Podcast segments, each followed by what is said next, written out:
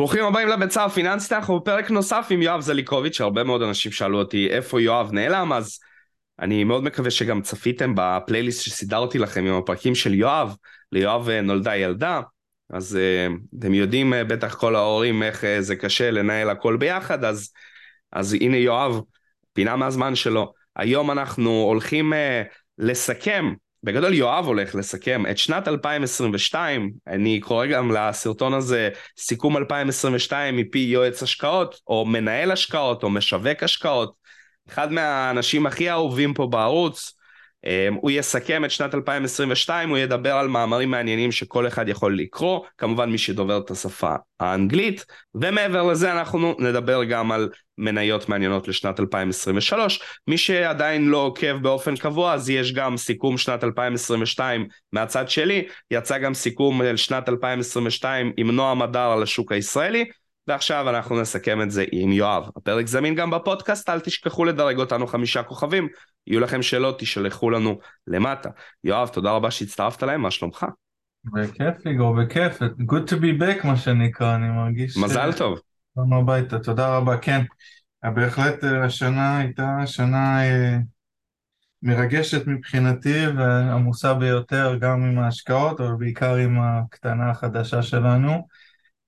ליבי הקטנה, שהיא גם שכנה שלך ועוד לא ראית אותה, שזה מחדל של שנינו, אבל נדאג לזה, אבל לא באתם לשמוע על המשפחה שלי, באתם לשמוע איך עושים כסף אה, בשוק ההון, אז אה, תודה שהזמנת אותי איגור, ובואו בוא נתחיל ברשותך. אז רצית סיכום קצר של שנת 2022, וכל הנושא, כל ההזמנה שלך התעוררה בעקבות, אם אתה זוכר, האיגרת השנתית ש... כתבתי עוד תחילת שנת 2022, לא שאני נביא, לא שידעתי, אבל uh, בעיקר באיגרת, אתה זוכר, כתבתי על, ה, על, על הבועה של מניות, חברות מניות הטכנולוגיה, ירדתי קצת על האסטרטגיה של קת'י ווד, אה, שוב, אני דיברתי על זה הרבה שנים, זה שהשנה דווקא התחילה הירידה החדה זה יותר מזל משכל, אבל מה שבמיוחד נראה לי עניין אותך זה הנושא של אה, מה שקראתי לו באיגרת כוח הכבידה של, אה, של, של שוק ההון, ופה התייחסתי לנושא של הריביות, וכמו שכולנו שמנו לב, בין המשקיעים האגרסיביים יותר במניות לבין המשקיעים הסולידיים באגרות חוב, שנת 2022 הייתה שנה שבה בעיקר, היו כל מיני גורמים, אבל אני חושב שאחת מהסיבות העיקריות לירידות היו הנושא של עליות הריבית מעבר למה שהשוק אה, ציפה. והנושא של הריביות הוא, כולם מנסים לתזמן ולהתכונן וזה, אבל זה לא הנושא שלי, מה שאני רוצה לחדד לכולם זה החשיבות של, של, של הריביות לכל המשקיע בכל האפיקים. אגב, השנה האחרונה מי שהשקיע באפיק הסולידי, so called, והרבה פעמים חטף יותר אפילו מהאפיק המנייתי. משקיעי נדל"ן, אה, בטח חברות ציבוריות שעוסקות בתחום חטפו, בדיוק קראתי כל מיני חברות ישראליות שקנו שטחים בשדה דוב זיכרונו לברכה והיום אה, מתמודדים עם עלויות מימון שעלו מאוד. אז הנושא של ריבית הוא נושא שמאוד חשוב להבין אותו וכל המשקיעי מניות הטכנולוגיה חטפו יותר מכולם וכבר נסביר אולי למה. אבל זה לא שהתנבאתי בנושא, מה שהיה לי חשוב שכולם ידעו גם עכשיו זה שכל השקעה צריך לבחון ביחס לאלטרנטיבה. ואם אני יכול לקבל על פק"ם בבנק 4% אז למה לי להשקיע ב, ב, בחברה שלא מחלקת לי בכלל דיבידנדים או שנסחרת במכפילים מאוד מאוד גבוהים ש, ש, שאני אולי החברה הזאת תצמח ואולי לא, כשיש לי ארבעה אחוז בטוחים בבנק אז פתאום ההשקעה הסולידית היא הרבה יותר אה, מעניינת וזה גורם להשק... לשוק המניות אה, לרדת כפי שהוא ירד ולמניות הצמיחה יותר כי זה, זה בסופו של דבר נוסחה מתמטית. איך מתמחרים כל נכס פיננסי? לוקחים את כמה מקבלים חלקי איזה שיעור היוון ש...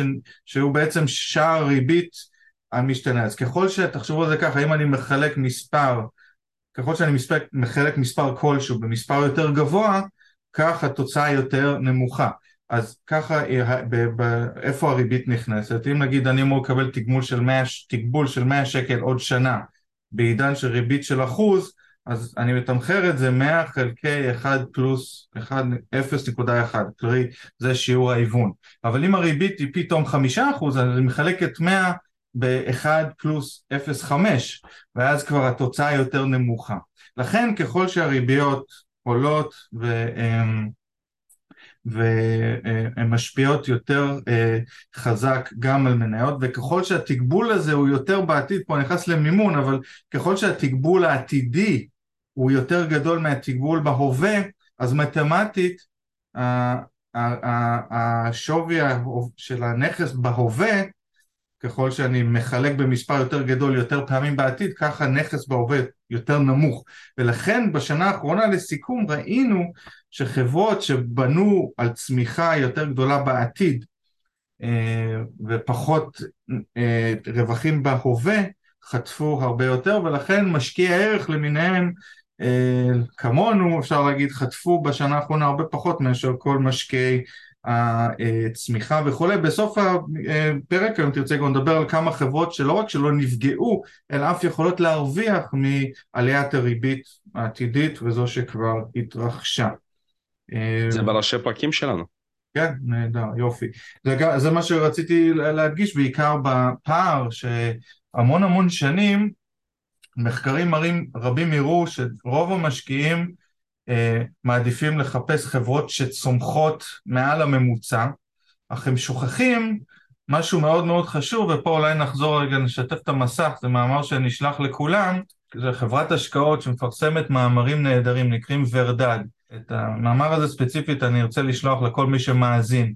אה, אמנם זה באנגלית, אבל אני אסכם לכם, והם קוראים למאמר הזה Persistence of Growth, והם חוקרים בעצם, לוקחים מחקר מוקדם ומעדכנים אותו להווה, שבו הם מראים שגם אחרי 25 שנה שבה אה, מהתפוצצות אה, בועת הדוט קום, כמעט 25 שנה, עדיין הם מתקשים למצוא חברות שיצמחו באופן קונסיסטנטי מעל ה-GDP הממוצע לאורך זמן. מה הכוונה? כאשר אני משקיע, אני רואה חברה שאני רוצה להשקיע בה, אני כאדם בשר ודם, ותמיד מחפש חברה שהסיפור שלה מעניין אותי, ואני אומר, החברה הזאת יש לה סיפור מעניין והיא תצמח לאורך הרבה מאוד שנים. וכמו תמיד אפשר להשתמש בדוגמה של טסלה, כבר נגיע אליה. אבל מה שהחוקרים האלה מצאו, שבתוחלת מרבית החברות, וזה גם הגיוני מתמטית, מרבית החברות בעולם לא צומחות יותר מהשיעור הממוצע, ופה מדברים על הצמיחה הכלכלית של ה-GDP האמריקאי, שהוא בעצם הממוצע של כל החברות, וזה הגיוני שהממוצע לא, של כל החברות לא יעלה לממוצע, אבל בסופו של דבר כשאני מתמחר חברה ואני בונה על זה שהיא תצמח יותר מהמתחרות שלה, אני כנראה סטטיסטית טועה. וגם אם חברה כמה שנים עשתה יותר מהמדד, בין אם, לא נדבר על שער המניה, נדבר על הערך הצמיחה, הרווחים הכלכליים של החברה, צריך לקחת בחשבון שבסופו של דבר יש מה שנקרא ב, בהשקעות חזרה לממוצע, שבסופו של דבר אה, חברות לא יכולות לצמוח בשיעור דו ספרתי לנצח ומתישהו חוקי הכלכלה יגרמו לכינוס ופה רואים את זה בטסלה שהתחילה עם רכב חשמלי נהדר וצמחה בעשרות אחוזים וקת'י ווד טענה שהיא תמשיך לצמוח ככה לנצח אבל בסופו של דבר מה קורה לחברה שצומחת מעל, מעל לממוצע ואפשר להגיד את זה גם על פייסבוק האהובה שלך יגור לצערי זה שכנראה תגיע תחרות ובפייסבוק זה הגיע אולי בדמות טיק טוק או אינסטגרם שהם זכו לרכוש אבל בסופו של דבר אין חברה שיכולה לאור גם אמזון שיכולה לצמוח בשיעורים מאוד מאוד גבוהים לאורך הזמן זה כמעט בלתי אפשרי, ולכן כשאתה אה, מחפש חברה צריך לקחת בחשבון מה שנקרא שהיא אה, תתכנס לממוצע, וזה מה שכבר יוביל לנושא הבא שלנו, שאני משקיע בחברה, שאני קונה אותה, מה שאני צריך לשים לב במיוחד זה לא לקחת בחשבון צמיחה, אלא לקחת בחשבון את אותה חזרה לממוצע ולקנות אותה במחיר מספיק נמוך, שגם אם תפסיק לצמוח, אני עדיין יכול להרוויח על אותה השקעה. מש, משפט מצוין. מה שנקרא באנגלית margin of safety, מרווח ביטחון, זה מונח שדיברנו עליו וזה שמו ספרו של סט קלרמן, אחד מהמשקיעים הגדולים של ימינו, וזאת הטעות של רוב המשקיעים. ועכשיו מה, מה חוזר למה שהתחלתי את הפרק הזה, שהמון המון שנים מצאו שחברות עם צמיחה נמוכה, שתומחרו בחסר, מה שנקרא באנגלית value stocks או מניות ערך, הניבו תשואה יותר גבוהה ממניות צמיחה בממוצע. כלומר, וחברות עם צמיחה יותר גבוהה אבל בתמחור יותר גבוה, בסופו של דבר השוק קנס בקוף את אותן חברות יקרות בצמיחה, ו...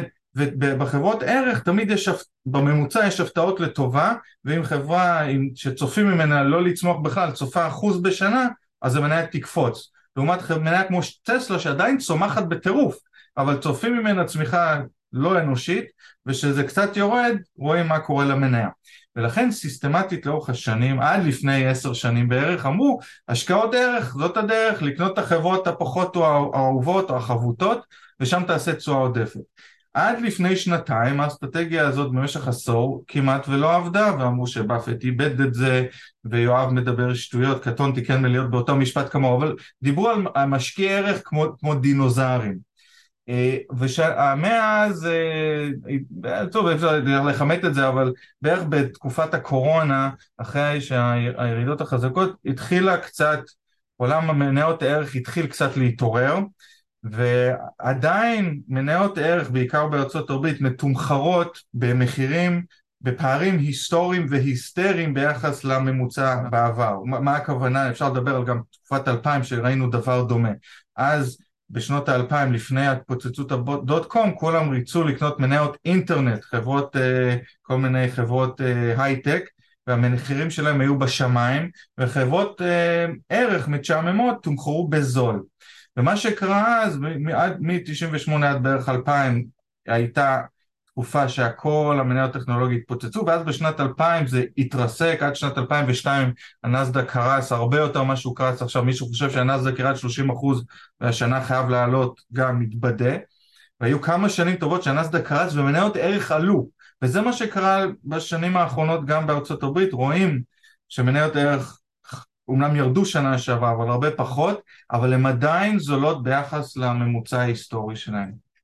אה, אז אה, אף אחד לא יכול לתזמן ואי אפשר לדעת במדויק, אבל ניתן להעריך שעשר שנים קדימה נראה חזרה לממוצע שמניות ערך אמורות לעשות קצת יותר טוב מחברות הצמיחה. שוב, אני מדבר מפוזיציה כי אני שם, אבל, אה, אבל, אבל כל הסימנים מעידים על כך. ו... אנחנו כבר הרבה מאוד שנים עם מניות ערך ונמשיך להיות שם. אבל מה שכן יגור, לפני שאני מסיים את הפרק הזה, רציתי um, להמליץ על ספר שאני קורא עכשיו, שבעצם משלב בין שתי אסטרטגיות, כלומר הוא לא זונח את עולם הערך, אבל הוא מכיר בזה שהעולם טיפה השתנה וצריך uh, לדעת איך לתמחר גם את אותן חברות עם uh, טכנולוגיה למיניהם שהחשבונות המסורתית מתקשה להתמודד איתם. לספר למי שרוצה נקרא Where the Money is, ספר חדש, לסופר קוראים אדם סיסל, S-E-E-S-E-E-L, אה, ספר מומלץ, סליחה, S-E-E-S-S-E-L, אני עדיין באמצע, אבל... הכל יהיה זמין בתגובות. זה בתגובות, כן, שלא יתחילו לאכול תסביכים על האותיות. נהדר. אה, אם אין לך עוד משהו איגור להוסיף לכל ה... אני רוצה שנתקדם לנושא האחרון שלנו שדיברת עליו, על כמה מניות מעניינות. מעולה. אם ברשותך אני רוצה להכניס עוד משהו, בדרך כלל אני לא משקיע מאקרו, אבל מה שמחבר את כל מה שדיברנו עד כאן זה נושא ש, של שנה שעברה למשל בבורסה באנגליה, המניות של, ה, של בריטניה, UK מה שנקרא באנגלית, שתראו כמה, כמה אה, עולם ההשקעות הוא מתעתע, אה, שעם כל הכותרות השליליות שהיו סביב אה, המניות שם, כמו עם מניות הערך, דווקא איפה שיש, כמו שאמר פעם רוטשילד, ללכת לאיפה שיש דם על הרצפה, גם כשאני משקיע מאקרו, בניגוד לנטייה של כולם ללכת לסין ולכל מיני מדינות מתפתחות, וזאת אגב הייתה טעות הקשה לדעתי של אחד מבתי ההשקעות הגדולים בארץ, בלי לציין שמות, שאמרו אנחנו נלך לצ... להשקיע במדינה שבה הצמיחה הכלכלית היא הכי גבוהה ונקיש אותה לעתיד. אבל שכחו לי, לי, לי, לי לקרוא ולזכור שהיסטורית, או לא שכחו, או התעלמו, לא יודע מה, זה לא משנה, שדווקא המדינות שבהן הצמיחה הכלכלית היא הכי גבוהה, הן המדינות עם הביצועים הכי עלובים בבורסה.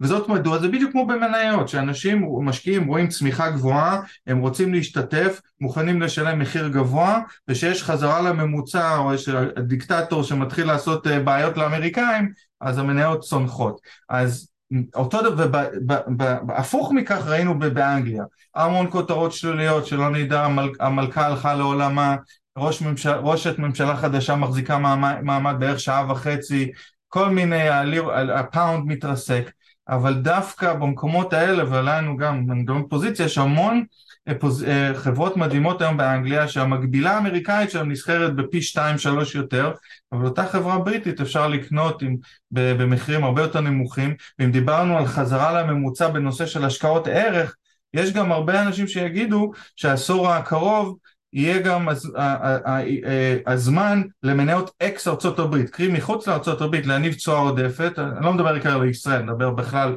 מניות מחוץ לארצות הברית כי אנשים גם התרגלו עשר שנים שהמניות האמריקאיות מובילות אבל זה דווקא חריג. מי שיסתכל במאה השנה האחרונות בחלק את המאה השנה האלה לעשורים יראה שהבורסה האמריקאית הובילה רק פעם פעמיים.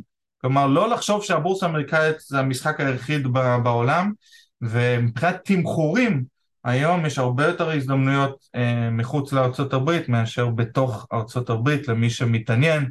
מי שרוצה אגב גם לסיום קראתי אה, ראיתי סרטון נהדר של מוני שאפשר לשלוח אותו בקישורים שהוא מצא בטורקיה שרובנו מכירים רק מהשתלות השיער ונוסעים לשם בשביל זה וכולי אה, סתם אבל אה, שיהיו בריאים אה, מדינה נפלאה אני לא רוצה לזלזל חלילה אבל טורקיה בלאגן אה, אינפלציה משוגעת אבל בשנה האחרונה איזה בורסה עשתה את התשואות הכי גבוהות מבורסות העולם אחרי האינפלציה טורקיה אז ומוניש פבראי מצא שם מניה אה, שהוא משקיע בה. אז אה, השקעות, כמו שאמר פעם, אה, מי אמר, אני לא זוכר, אבל אמרו אם זה היה קל, כולם היו עושים את זה. זה לא קל, צריך לה, תמיד לחשוב מה שנקרא ב-second level thinking.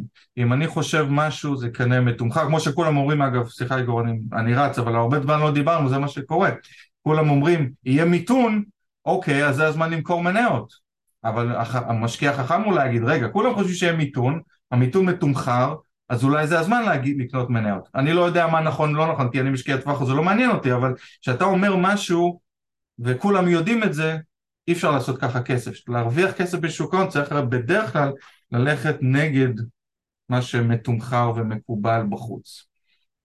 Uh, זהו, אז הבטחתי לך כמה דברים מעניינים לשנה הקרובה, אז אלא אם כן רצית לתקן אותי שאולי העיר על משהו שאמרתי. לא, אני רק אציין שאני כרגיל שמח תמיד להקשיב לעוד ועוד דעות ולעוד רעיונות. הכל יהיה זמין בתגובות. מעבר לזה יש פלייליסט מסודר עם יואב למי שהשקעות ערך מעניינות אותו ורוצה ללמוד את התחום הזה לעומק. כמובן כמו שאני תמיד אומר מתחילים מלמעלה ואז הולכים למטה. אם uh, הדבר הראשון שהסתכלתם עליו הוא מסחר, אז אני משתתף בצערכם. אמ, תמשיכו ללמוד, תעברו, אני חושב שזה יהיה הדבר הכי טוב שתוכלו לעשות בזמן שלכם. אה, זה לעבור באמת על הפלייליסט של יואב, תלמדו המון, כמובן אני ויואב זמינים לשאלות.